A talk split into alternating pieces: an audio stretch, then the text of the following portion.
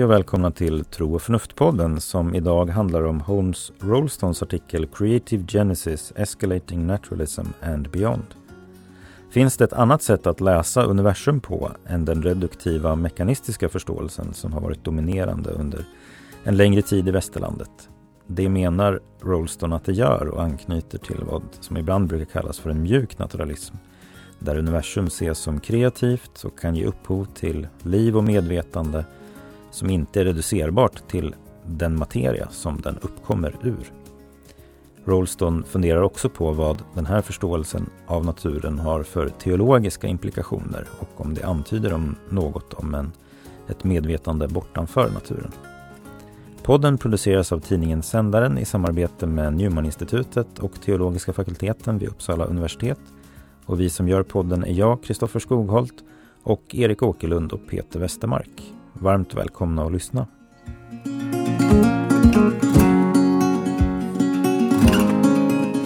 Vi kom lite sent här in i terminen. Hoppas att ni inte har försmäktat i brist på eh, podd. Men här kommer det i alla fall och vi kommer ta upp en tråd från eh, vårterminen där vi har pratat en del om vad Thomas Nagel kallar för den kosmiska frågan som är frågan om hur jag relaterar till kosmos och eh, behovet som han kallar för ett behov av kosmisk försoning. Att, att känna att man är en del av en större meningsfull helhet. så Att säga. Att kosmos eh, är den här meningsfulla helheten. så att säga. Och eh, Dagens eh, tematik är en artikel av en filosof som heter Holmes Rolston, en amerikansk filosof som var, är professor i vid Colorado State University i filosofi och skrivit mycket om vetenskap religion och miljöetik och sådär.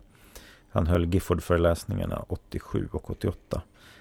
Eh, och den artikel som jag läst då, den heter Create, Creative Genesis Escalating Naturalism. Och i den här artikeln så presenterar han en eh, liknande syn på naturen som den som Thomas Nagel vill föra fram i sin bok Mind and Cosmos. Det vill säga en syn på naturen som kreativ, eh, som, där det uppkommer nya fenomen och eh, som, som så att säga har en, ja, en, rik, en rik förståelse av naturen i kontrast till en reduktionistisk förståelse, deterministisk förståelse mm. eh, och sådär. Mm, ehm, är det något mer som vi ska lägga till där? Mm. Man kanske kan tänka sig här, en, jag tänker mig en fyrfältare. Eh, ja. så, eh, den, den, ena axeln så att säga har att göra med synen på naturen. Är naturen enkel eller är den mer komplex? Och där hamnar ju då både Holmes Rolston och en sån som Thomas Nagel på att den är komplex snarare än, än enkel. Då. Men däremot finns det en annan axel huruvida man är teist, alltså om man ser det som att den här komplexiteten finns inneboende bara i sig själv, i naturen utan att det finns behov av ytterligare förklaringar. Eller finns det någonting som sen går utöver mm. eh, det? Och där eh, håller de ju inte med varandra. Men Nej. det kanske bara kan vara värt att, att nämna att det förstås går eh, att också ha kombinationen att naturen är enkel och att vara teist. Mm. Men att naturen är enkel och att, att inte vara teist, det, det eh, är väl en ganska vanlig kombination mm. då, eh, att man är materialist, någon form av reduktiv mat mm. materialist. Eh, att man tänker sig att materian är det enda som finns. Men du kan ju också ha synen att, eh, att materia eller elementarpartiklarna är det enda som finns. Men att det, det i sin tur kommer från Gud. Mm. Och då mm. kanske man ofta drar mot någon form av mer deism, som att Gud har så att säga, satt lagarna för det och sen är det är det mm. naturen själv som, ja, eh, som verkar i enlighet med dem. Men Gud, alla de här fyra olika liksom, eh, på spel, man får skilja lite mellan dem. Mm. Gud har vridit upp en klocka och sen, och sen satt sig på sin stol. Det är väl deismens Precis. bild ungefär. Och då tror jag att det drar mot det om man har en, en naturförståelse som att den egentligen bara består av elementarpartiklar. Ja, Gud har i alla fall väldigt lite att göra om man har en sån syn på naturen. Precis. Så att säga. Visst. en väldigt passiv. Ja. Eh, nej men jag tänkte också på det, du läste upp titeln Genes Creative Genesis Escalating Escalating Naturalism and Beyond. För att om jag förstår honom rätt så är escalating naturalism positionen som typ Nagel har enligt dem. Alltså det vill säga att han går bortom en mm. sån här hard determinism till en mer mm. rik förståelse av uh, hur, uh, hur översätter man mind egentligen? Sinne, medvetande, medvetande sinne mm. och liv emergerar ut ur mm. materien. Mm. Men att han vill gå ytterligare ett steg bortom det. Även ja. om majoriteten av artikeln ja, men sätter ju sig mm. ganska sympatisk i nära dialog med mm. en sån som Nigel. Mm. Nej men absolut. Det är ju ehm, eh, mycket, mycket i hans artikel handlar ju om så att säga hur ska vi Eh, förstå universum och människans plats i den. Så liksom vad är det här, om vi bara så att säga har ett rumsligt perspektiv på universum mm. så, så, är människan väldigt liten och ensam så att säga i universum. Men om man tänker på universum som liksom en, en interdependent web of relationships mellan olika processer. Nät och beroende som, där de är ömsesidigt beroende. Ja, mm. precis. Alltså en, ett, eh, ett, eh, precis att det finns en massa processer där det, så det är som, som är beroende av varandra så att säga. Så att eh, han går in på det till exempel att grundämnena bildas i stjärnorna genom, mm. genom fusion då. Mm. Eh, och sen exploderar stjärnorna och bildar nya stjärnor som, där det kan bildas nya grundämnen och sen uppstår planeterna. Och det här tar tid och universums storhet, eh, spatiala liksom storhet är ju en, en eh, effekt av expansionen och därmed också av dess ålder. Som har möjliggjort de här processerna där planeterna uppkommer och sen liksom planeter som roterar runt solen och, och så småningom kan det finnas förutsättningar för att det kan uppkomma liv och och mm, växter som kan ta upp energi från solen och sen när det finns växter som kan ta upp energi från solen då kan det uppkomma andra organismer som kan använda växterna som energikälla och så vidare. Och Lonergan som vi har pratat om i podden, han pratar om hur universum består av vad han kallar för schemes of recurrence, alltså händelser som följer på varandra. Planetens rotation runt solen är en slags år, ger en årlig liksom um, sån här mönster och jorden roterar kring sig själv så det blir dagen. och Vattenångacykeln är en sån där till exempel. Och, och, och, och liksom, om man mer ser det så, så får mm. de här olika fenomenen en, en, en, annan karaktär, så att säga, där, där människans, så att säga, jag tycker inte att det är en perfekt bild, men ibland så tänker jag, om man skulle tänka på en pyramid, så att säga, du behöver alla nivåerna i mm. pyramiden mm. för att komma till den här ensamma då, så att säga, lilla stenen högst upp. Mm. Men den är i en väldigt nära relation med hela pyramiden. Mm.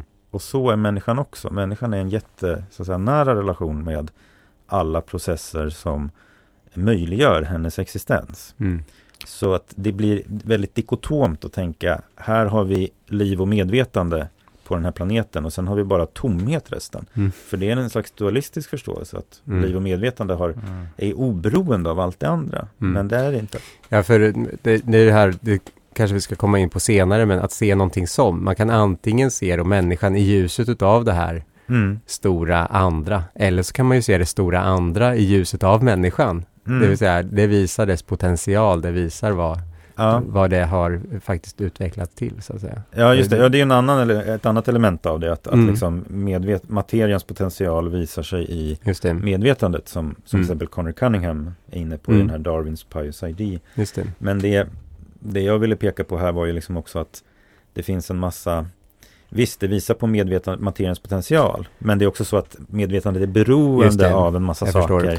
Så vi är inte mm. isolerade här, ensamma Nej, utkastade, utan vi är liksom ekologiskt invävda i ett sammanhang. Ömsesidigt beroende Precis. ständigt, inte bara Exakt. i en historia utan också Nej. här och nu och...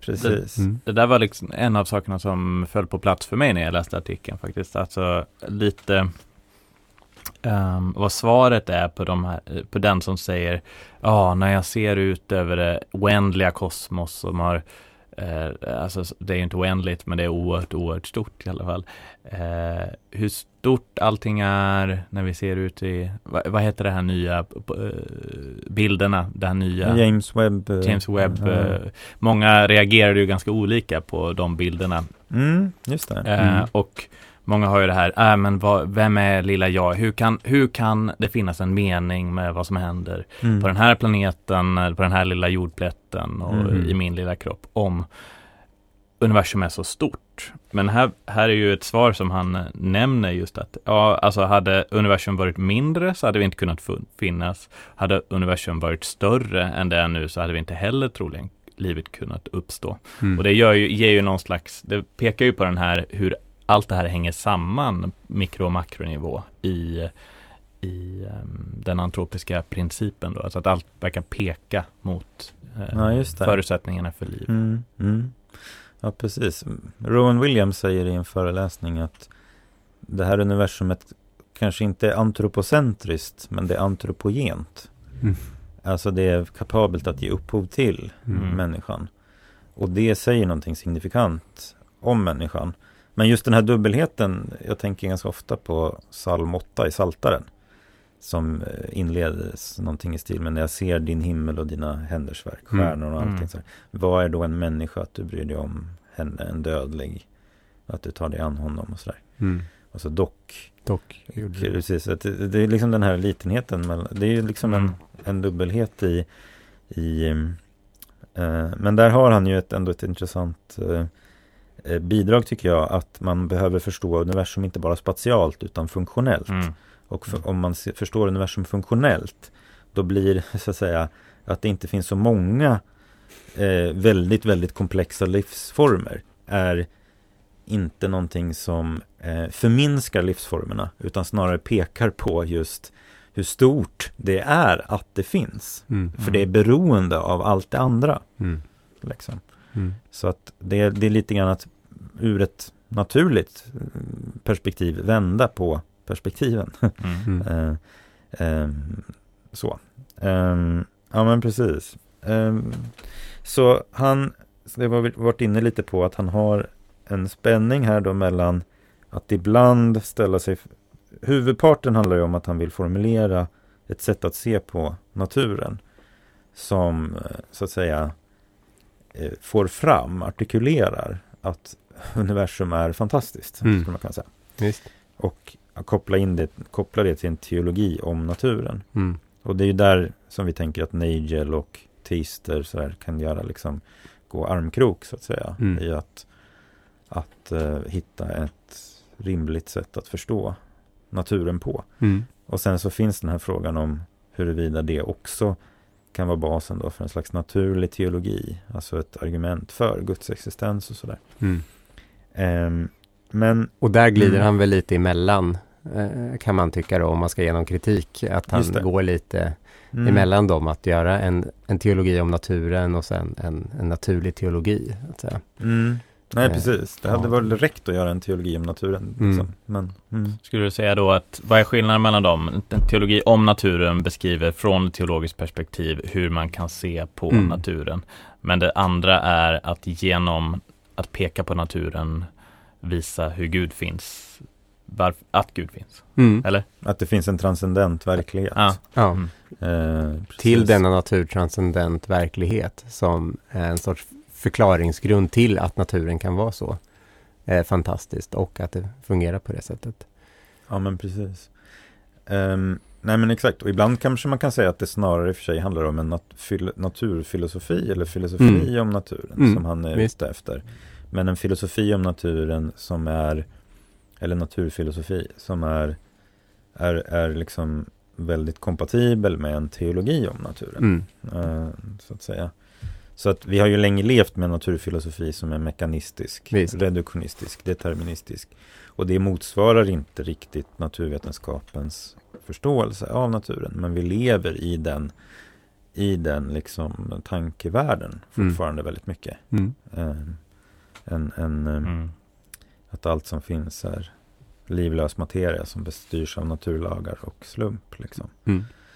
Ja, för en annan väg som jag tänker är att kunna som man tidigare har använt för att göra reda för den här eh, mångfalden och komplexiteten. En idag nästan helt bortglömd tänkare som heter Henri Bergson i början av 1900-talet som skrev en bok som hette L'evolution créatrice, alltså den kreativa evolutionen. Och han pratar då om en elan vital, en, en livskraft eller en livsimpetus som finns i grunden utav hela verkligheten.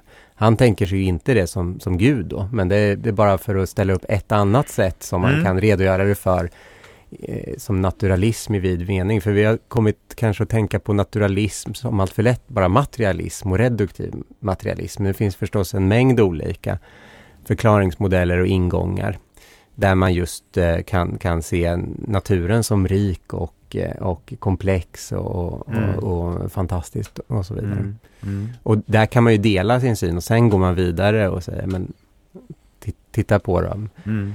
Eh, finns det inte någonting här i förlängningen, någonting som det är rotat i? Mm. Som, mm. som, det känns som det han gör. som här, det pekar mot. Det känns som det han gör i artikeln är att vidga vad ska vi säga, fylla i konturerna av vad naturalism innebär så mycket man bara kan tills, tills, och till och med utforska lite på var det tränger lite utanför den gängse mallen av vad naturalism måste innebära. Alltså, vad är naturen? Vad har den för, hur fungerar den? Och han pekar på lite olika sätt på vilket den eh, eh vi måste ha en ny förståelse av mm. vad naturen verkligen är. Mm. Mm. Han använder ju uttrycket natura naturans och natura naturata vid mm. något tillfälle. Och som jag förstår de begreppen så syftar den här natura naturans på naturen som en aktiv och dynamisk process mm. som genererar naturens ting som är mm. så natura naturata. Och där um, så, så om det nu är så att, att världen kan ge upphov till liv och medvetande uh, så har den en kreativ potential som, som vi ibland eh, så att säga missar. Och, och, vi pratade lite här om metafor, olika metaforer, alltså mm. att se universum som någonting eller olika, som olika saker. Och det är en intressant poäng som han gör att vissa eh, mer reduktivt lagda naturalister använder en viss typ av metaforer som så att säga förminskar eh, naturens kreativa mm. Eh, kapacitet eller liksom det förunder, förunderliga i det. Hon pratar om evolutionen som en fuskbyggare till exempel, tinkering, a tinkering process det är en metafor, en annan är att säga att det är ett så kreativt utforskande mm. Av, mm. av eh, potentialiteter och så här. Och, och det, det, tycker jag är väldigt intressant, vilket också går att koppla till, till en reflektion som, som jag gjorde när vi pratade om Adam och Eva och det här med att Adam har uppdragit att ge namn åt djuren och sådär. Och, och då refererade jag till eh, Robert Barron, den här amerikanska biskopen, katolska biskopen som som säger att Adam ska så att säga katalogisera djuren. Men han, han gjorde en poäng om att det, det betyder katalogisera betyder katalogos, alltså efter ordet. Det, logos är ju Kristus, men, men i kristen tradition pratar man ju också om att det finns liksom alla varelser är små logos, så att säga. Mm. Och att ett väldigt reduktivt sätt att beskriva världen på blir ett slags övergrepp eller våld mot tingen som inte får komma fram i sin fulla eh, verklighet. Och där skulle man kunna säga att det på ett sätt då skulle kunna vara en liturgisk uppgift att tolka tingen i dess mm. fullhet eller tolka universum i dess fullhet, en slags kontemplativt förhållningssätt eller så. Mm. Någonstans så tänker jag att det är ju den postmoderna kritiken av kristendomen att vi liksom både det moderna projektet men också världsreligionerna liksom lägger på en mening på eh, som vi som vi tycker passar, eh, våra agendor liksom, på, på naturen, på varelserna och på människor. Men att, men att det alltid då blir ett övergrepp för det finns inget logos att katalogisera det efter utan det är alltid mm. utifrån min personliga intresse. Just det, liksom. Så gör det av maktintressen istället. Ja, maktintressen. Men det är intressant därför att vi hade ett avsnitt innan du började podden med Lena Andersson som skrev en bok mm. som hette om falsk och äkta liberalism. Och där gör hon en poäng att liksom radikal konstruktivism har vissa eh, gemensamma utgångspunkter med en liksom materialistisk förståelse av tillvaron. Mm. Därför att det, när vi pratar om människan och tillskriver henne egenskaper som vi så att säga inte direkt kan observera så går vi så att säga utöver en ren materialism. Och viss typ av postmodern kritik verkar mm. så att säga vara väldigt modernistisk i den meningen. Mm. Att verkligheten är det empiriskt tillgängliga och sen finns det projektioner på. Men alternativet är ju att det finns en slags eh, det finns en hermeneutisk process som handlar om att förstå ett ting mm. som inte bara är nu kan jag liksom mäta dig eller jag kan som inte bara är det här objektifierande egentligen skulle jag säga då. Men, mm. eh, så att i den meningen så är det intressant att att det finns någon slags eh, premiss i den kritiken som ju också då utifrån min läsning är, är ett slags övergrepp mot, alltså det respekterar inte det andras natur så att säga. Mm. Och även kanske att det är någonting outtömligt i någon mening i det. Det kanske kommer när, det, det, det, tycker jag då är ett exempel på när man nästan övergår då till naturlig teologi snarare än en teologi om naturen. När man, ja, när man konstaterar att vi verkar förutsätta att det finns ständigt mer att utröna mm. om i stort sett allting. Och om man har hållit på länge och studera en sak så vet man hur mycket, hur mycket mm. som kan återstå och studera om. Då. Och att, att säga, vi implicit erkänner verkligheten så.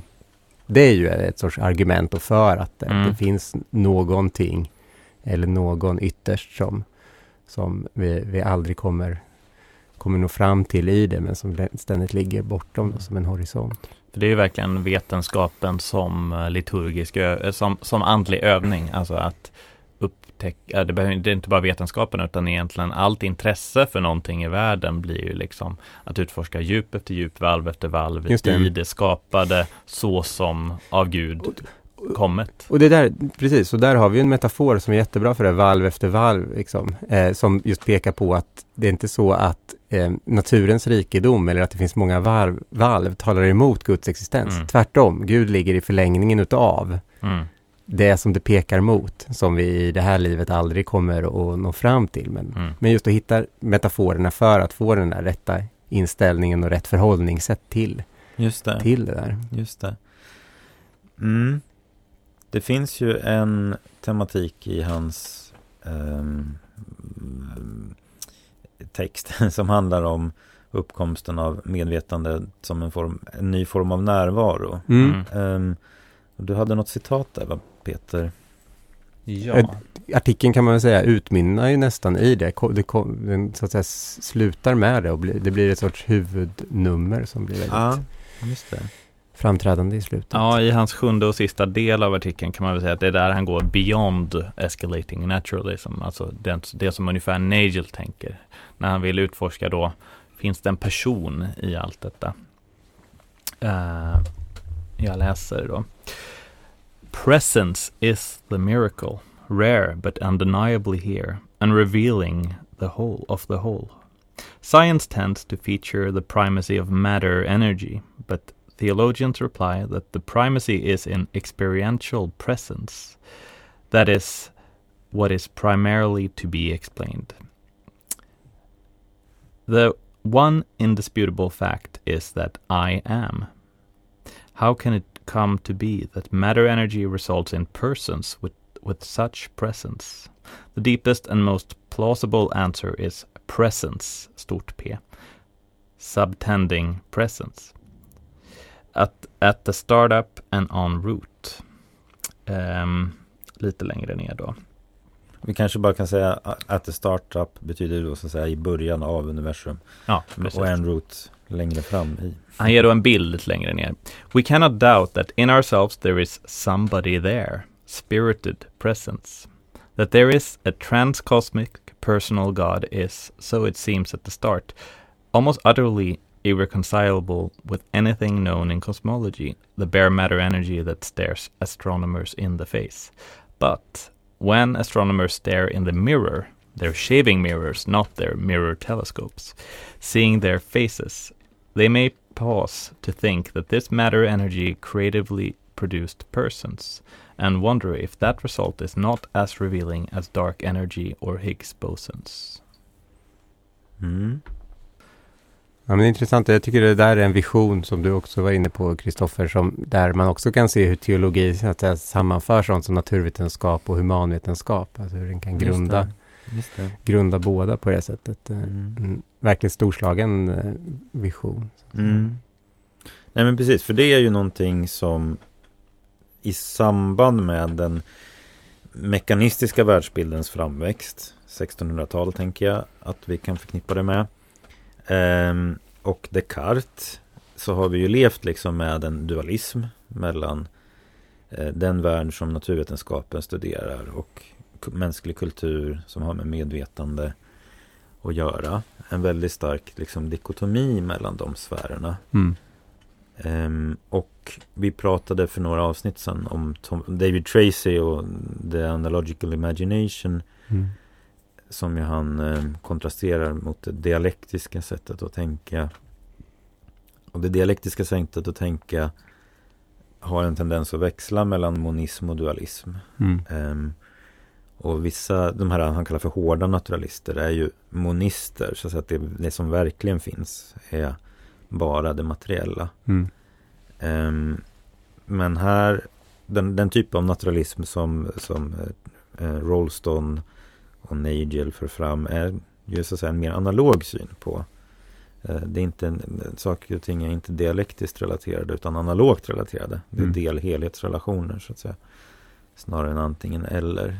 Och uh, så att där, där, ja precis, det är ju liksom, vad ska man säga, um, resurser för en förståelse av naturen som i slutändan skapar en plats för människan i naturen. Mm. Eh, utan att reducera henne till det icke-mänskliga. Den icke-mänskliga delen mm. av naturen.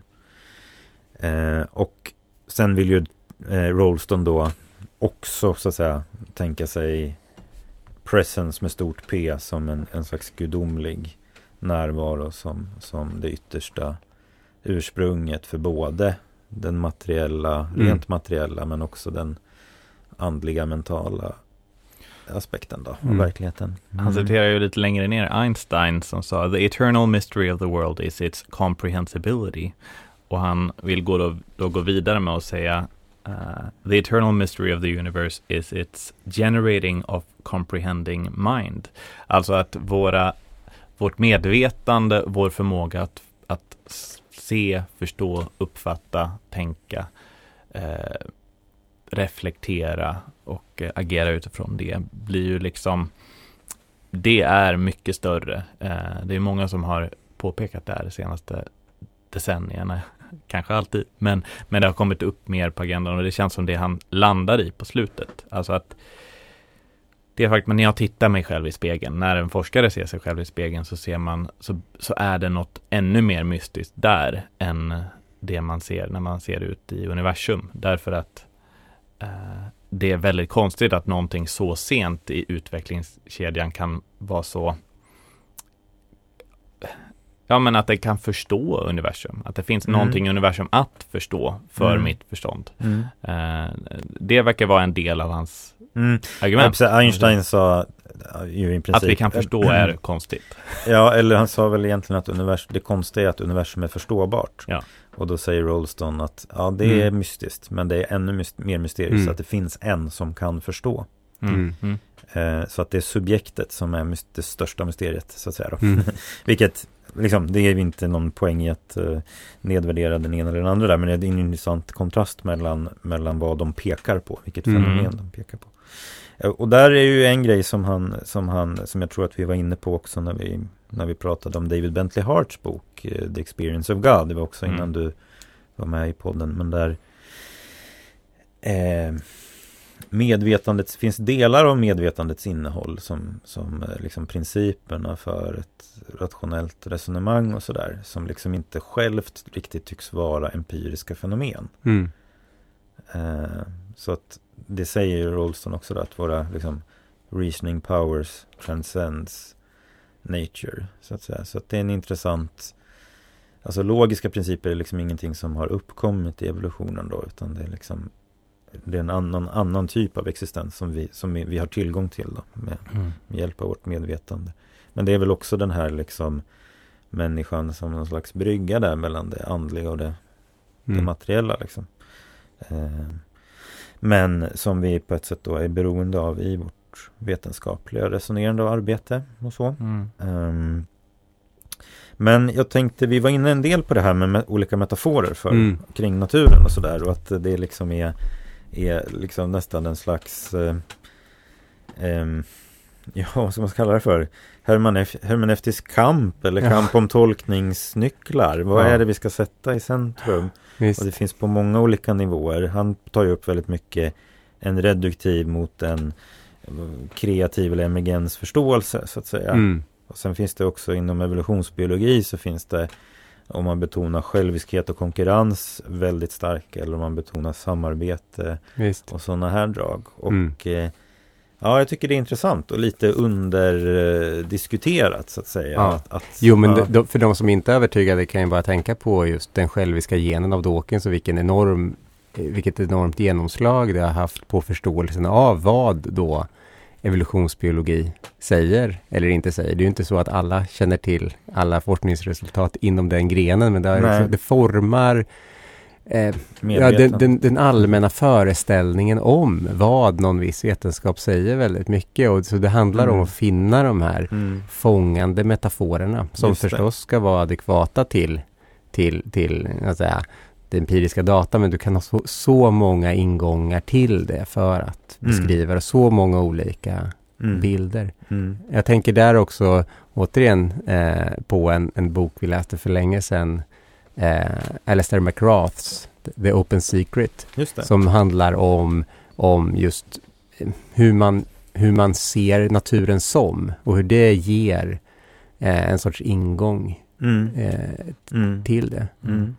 Där, där, kan man ju också, eh, om man ska bli lite mer vetenskapsteoretisk nördig, så har man ju tidigare kanske tänkt på, på hur man kommer fram till vetenskapliga hypoteser så brukar man ha pratat om induktion. Att du gör en sorts induktionsslut. Så du har ett empiriskt material och så sluter du dig så att säga till mm. att det med viss sannolikhet är på ett visst sätt. Mm. Så som man tänker sig eh, nu för tiden främst är någonting som kallas ablation. Då. Det är helt enkelt att du framkastar en hypotes och sen testar du den. Men, men reglerna för hur du framkastar den här hypotesen är väldigt, väldigt vida. Du kan egentligen ja, komma fram till det hur som helst, så länge den sen prövas. Och det liknar ganska mycket just en hermeneutisk process. Och, och där Eh, där eh, med den ingången så bör man ju ha en mängd olika ingångs, eh, ingångar till naturen, mängd olika metaforer, mängd olika sätt att se den för mm. att kunna vaska fram mm. bra eh, Är det samma bilder. eller ett annat begrepp? Abduktion har, eh, har jag hört. Men, ah, abduktion, vad sa jag? Ablation. Ablation, förlåt. Ja, jag tittar på dig och sen tänker jag på sublation. men förlåt, med, bland abduktion, ja, helt rätt. Ja, Tack Kristoffer. Yes, yes. mm, inte induktion utan abduktion. Ja men precis. Mm, precis. precis. Och det, just det, betonar lite mer att det finns en teoretisk förförståelse som, som så att säga är mer produktiv i, ja. min, i, min, i den här vetenskapliga processen. Men sen testas också. Ja, det här. precis. Ja, just det. Nej men precis. Men där kanske föreställningsförmåga kommer in mer och andra, ja, andra delar. Ja, precis. Men, mm. Jag funderar på om inte, jag har ofta tänkt på att en mycket av det intellektuella motståndet mot att tro på en personlig gud, alltså att det skulle finnas en gud som en princip som, som är ursprunget till allting. Det tror jag är en skepsis mot um, resultat. Vad, vad, kommer sen då? Vad, vad innebär det? Uh, vad, mm. vad, tar det för anspråk på mitt liv? Um, mm. Jag tänker att det är en sån mm. som Nigel då till exempel mm. väljer att tro på någon slags uh, storhet i, i naturen och någon typ av uh, att det finns en struktur i det här kosmos men man vill inte helst att det ska finnas, alltså nu kan jag bara spekulera, men om jag, jag tycker det, det är fler som kan erkänna att det finns något andligt, någonting i den här världen, än vad som sen vill gå, ta steget till att det finns en gud. Mm. Och det kanske inte bara har att göra med um, liksom vad man kan argumentera sig fram till utan också hur man upplever världen eh, på andra sätt. Teodicéproblemet eller mm vad är det för fel på kyrkan? Och, ja, mm. ni fattar. Mm. Alltså att det kanske är mer där ofta den skon klämmer än mm. på eh, Alltså om man har, väl har tagit steget från hard materialism, så att säga, mm. hard naturalism. Jag, jag gör en liten koppling nu till vad det Erik sa, att det du, om man, om man, om man så att säga betraktar Guds eh, tron här som en slags hypotes som mm. inte följer strikt av av liksom synen på naturen men som ändå, mm. ändå så att säga för, för suggereras eller suggesteras, liksom mm. suggesteras av det. Och så blir då istället för liksom att testa den empiriskt, då blir frågan vad blir de existentiella konsekvenserna om jag antar den den, den liksom tron. Så uppfattar jag att det finns en mm. koppling till det som, mm. som Erik sa här precis. Eh, ja men exakt, men om man kopplar in det lite med TODC-problemet där och hela, hela den biten så tror jag väl, jag tänker att det är just det här att man kan se världen som någonting och den går att se liksom ur flera synvinklar så tycker jag att det är ju intressant att eh, korset är på det sättet i den kristna traditionen så är ju korset egentligen en, en, en hemsk så att säga händelse samtidigt som det står för för nytt liv, död, död mm. som, alltså det går att se korset som mm. under olika aspekter. Så att säga. Och, då, och det, det tänker jag gäller faktiskt för, för naturen också så att säga. En, en, en teolog som, som heter Gerard Sigvald pratar om att det finns en schizofren potentialitet eh, i, i, i universum och sådär. Eh, och min poäng med att lyfta in korset här är att den kristna tron har ett slags ramverk för att härbärgera den här dubbelheten. Jag vet inte om ni förstår vad jag menar. Eh.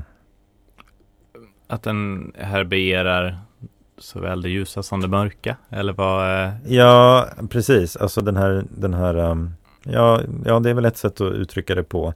Mm. Alltså om, om världen som sådan är korsformad mm. så finns död och uppståndelse så att säga i, i världen som en grundläggande dynamik då. Um. Och det kommer inte undan bara för att man förnekar att Gud finns så att säga? Nej, precis. Och, och, tvärt, och, och, och, och, och, och, så att säga tvärtom. Bara för att man mm. tror att Gud finns så har Just man det. inte förnekat det onda. Nej. Utan du har integrerat det mm. i bästa fall. Så att säga. Mm. Med, men ehm, ja, jag vet inte om det är... Jag hade en helt annan tanke när du pratade om det där. Jag tänker att eh, det egentligen ju är två olika frågor. Eh, det vill säga huruvida man erkänner en yttersta grund för all verklighet som överskrider naturen, å ena sidan. Å andra sidan huruvida det här har uppenbarats eller visat sig på ett speciellt sätt. Antingen givit Koranen till människorna mm. eller uppenbarat sig genom profeterna eller och eller eh, in, låtit sig bli människa i Jesus mm. Kristus. Eh, jag kunde önska, och som sagt här kanske jag är eh, skadad av min filosofi historia där det faktiskt finns eh, exempel på sådana. Jag kunde önska att det fanns fler som erkände just, som var monoteister, som menade att det fanns en sån, men, men som sa att men jag tror inte att den här har Som inte är religiös så att säga? Då, ja, men precis. Ja, men precis. Som ja, Arist Aristoteles då skulle ju vara ett, eh, ett mm. sånt eh, exempel och mm. aristoteliker. Ja, platoniker och alla Visst. möjliga. Mm. mm. Visst. Nej, det är ju ibland, det, det, blir lite märkligt som, som du är inne på att det, den här frågan blir en fråga om typ ska man bli kyrklig eller inte, eller ska man bli kristen? Mm. Det är ju en, det är ju också en intressant fråga, inte minst för mig som präst, liksom. men, men som du säger, det är ju den kosmiska frågan så att säga, handlar ju ytterst sett om om att ta kosmos och existensen på allvar. Ibland måste man kunna separera för att kunna förena. Precis. Det kan vara bra att intellektuellt hålla, hålla de frågorna isär i alla mm. fall för att liksom kunna, ja men nu pratar vi om det här, inte mm. om det, det, andra. Men det tror jag i sin tur hänger ihop med att i Sverige så har vi så lite tradition kring att resonera filosofiskt generellt och tänka mm. filosofiskt kring Gud och religion. Mm. Så att det finns liksom inte riktigt den kategorin för att relatera till Nej. den typen av frågor. Alltså att du skulle kunna ha en primärt filosofisk filosofiskt förhållningssätt är liksom lite eh, det inte, förekommer inte riktigt. Och det är klart att din, din kommentar där det hänger väldigt väl ihop med en syn som en filosof som Immanuel Kant skulle ha och som har haft väldigt stark genomslag i Sverige. Att det, det direkt, man direkt kopplar det religiösa då frågan om man just betecknar den det allmänt just med just det, det, praktiska och med det etiska. För det är ju där han, det är där mm. han förlägger det. Mm.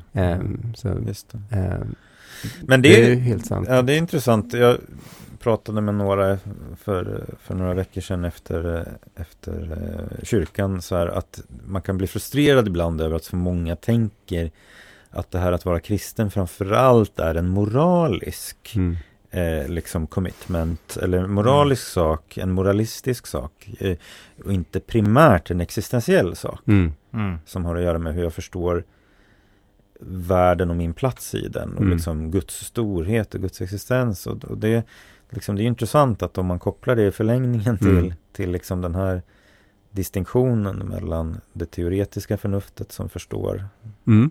världen och tillvaron och det praktiska förnuftet som, som besvarar hur jag bör handla och Gud har med det att göra. Jag menar såklart inte att det liksom är irrelevant hur vi handlar och så, men jag menar bara att eh, någon, det är lite sorgligt att människor inte kan så säga, få upptäcka det bara liksom förunderliga i att det kanske finns en gud. Liksom, mm. Utan att gå direkt in på liksom det som du antydde Peter, liksom att man blir så rädd för vad det här innebär för mm eh, liksom relativt kanske privatmoraliska frågor så att säga. Och där, där kan jag tycka att man, man förminskar ju någonstans Gud där mm. som blir liksom lite grann prussiluskan liksom. Och jag vill inte ha prussiluskan. Mm. mm.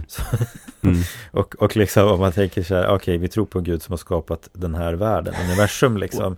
och, och, och, även om det är få som så att säga eh, stakar ut och skriver böcker om den livsåskådningen så har ju eh, många religionsvetare som David Thurfjell och så vidare pekat på hur stor den livsåskådningen är. Jag tror på någonting, eh, inte en gubbe på ett moln, men någon slags kraft som genomsyrar allt och alla. Mm. Eh, alltså den livsåskådningen är en av de största religionerna i Sverige så att säga eh, går ut i naturen, känner en närvaro som, som ger mig mening och så vidare. Mm. Eh, och det är ju ett uttryck för den där, man vill inte nödvändigtvis liksom koppla det samman med någon slags ja, men någon slags mätbar eller jämförbar moralisk eh, system eller, eller heller sociologiskt system. Men det ger det är någon slags, det är ju en existentiell upplevelse av mm, att mm. möta eh, någonting som är större mm. än mm. bara partiklar. Men Turfjälls poäng är väl också att religiositet eller kristendom i Sverige,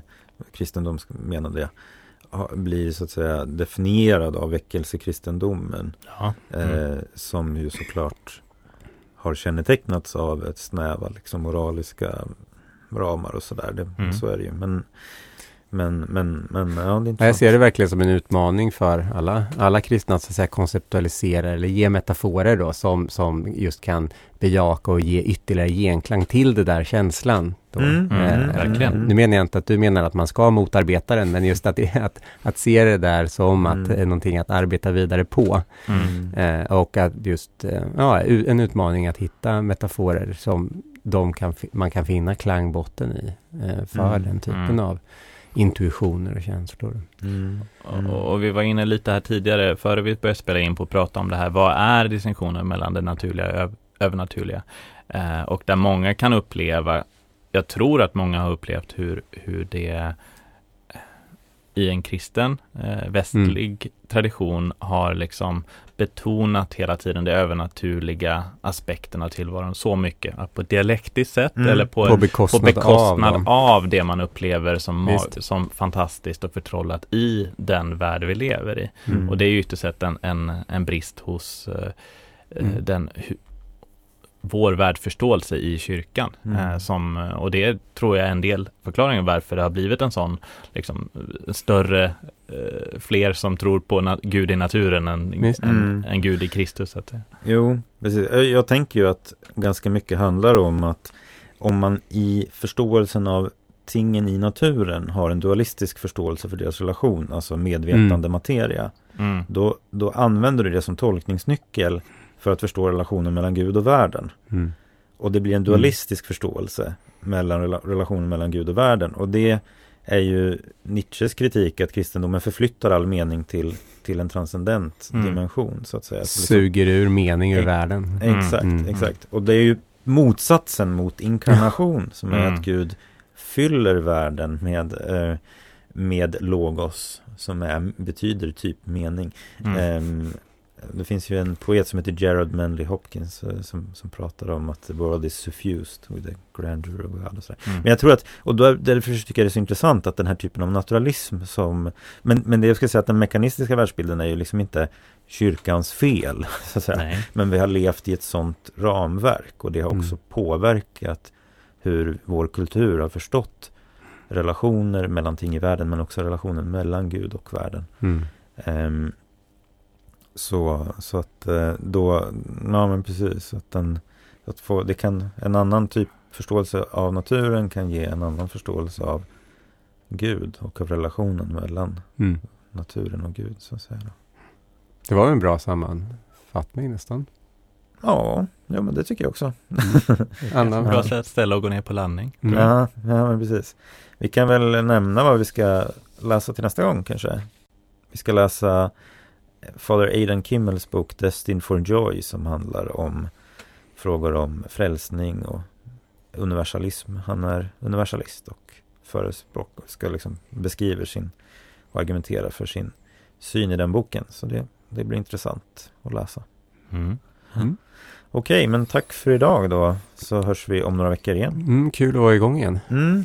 mm. Vi hörs. Det gör vi. hej. hej. hej. hej.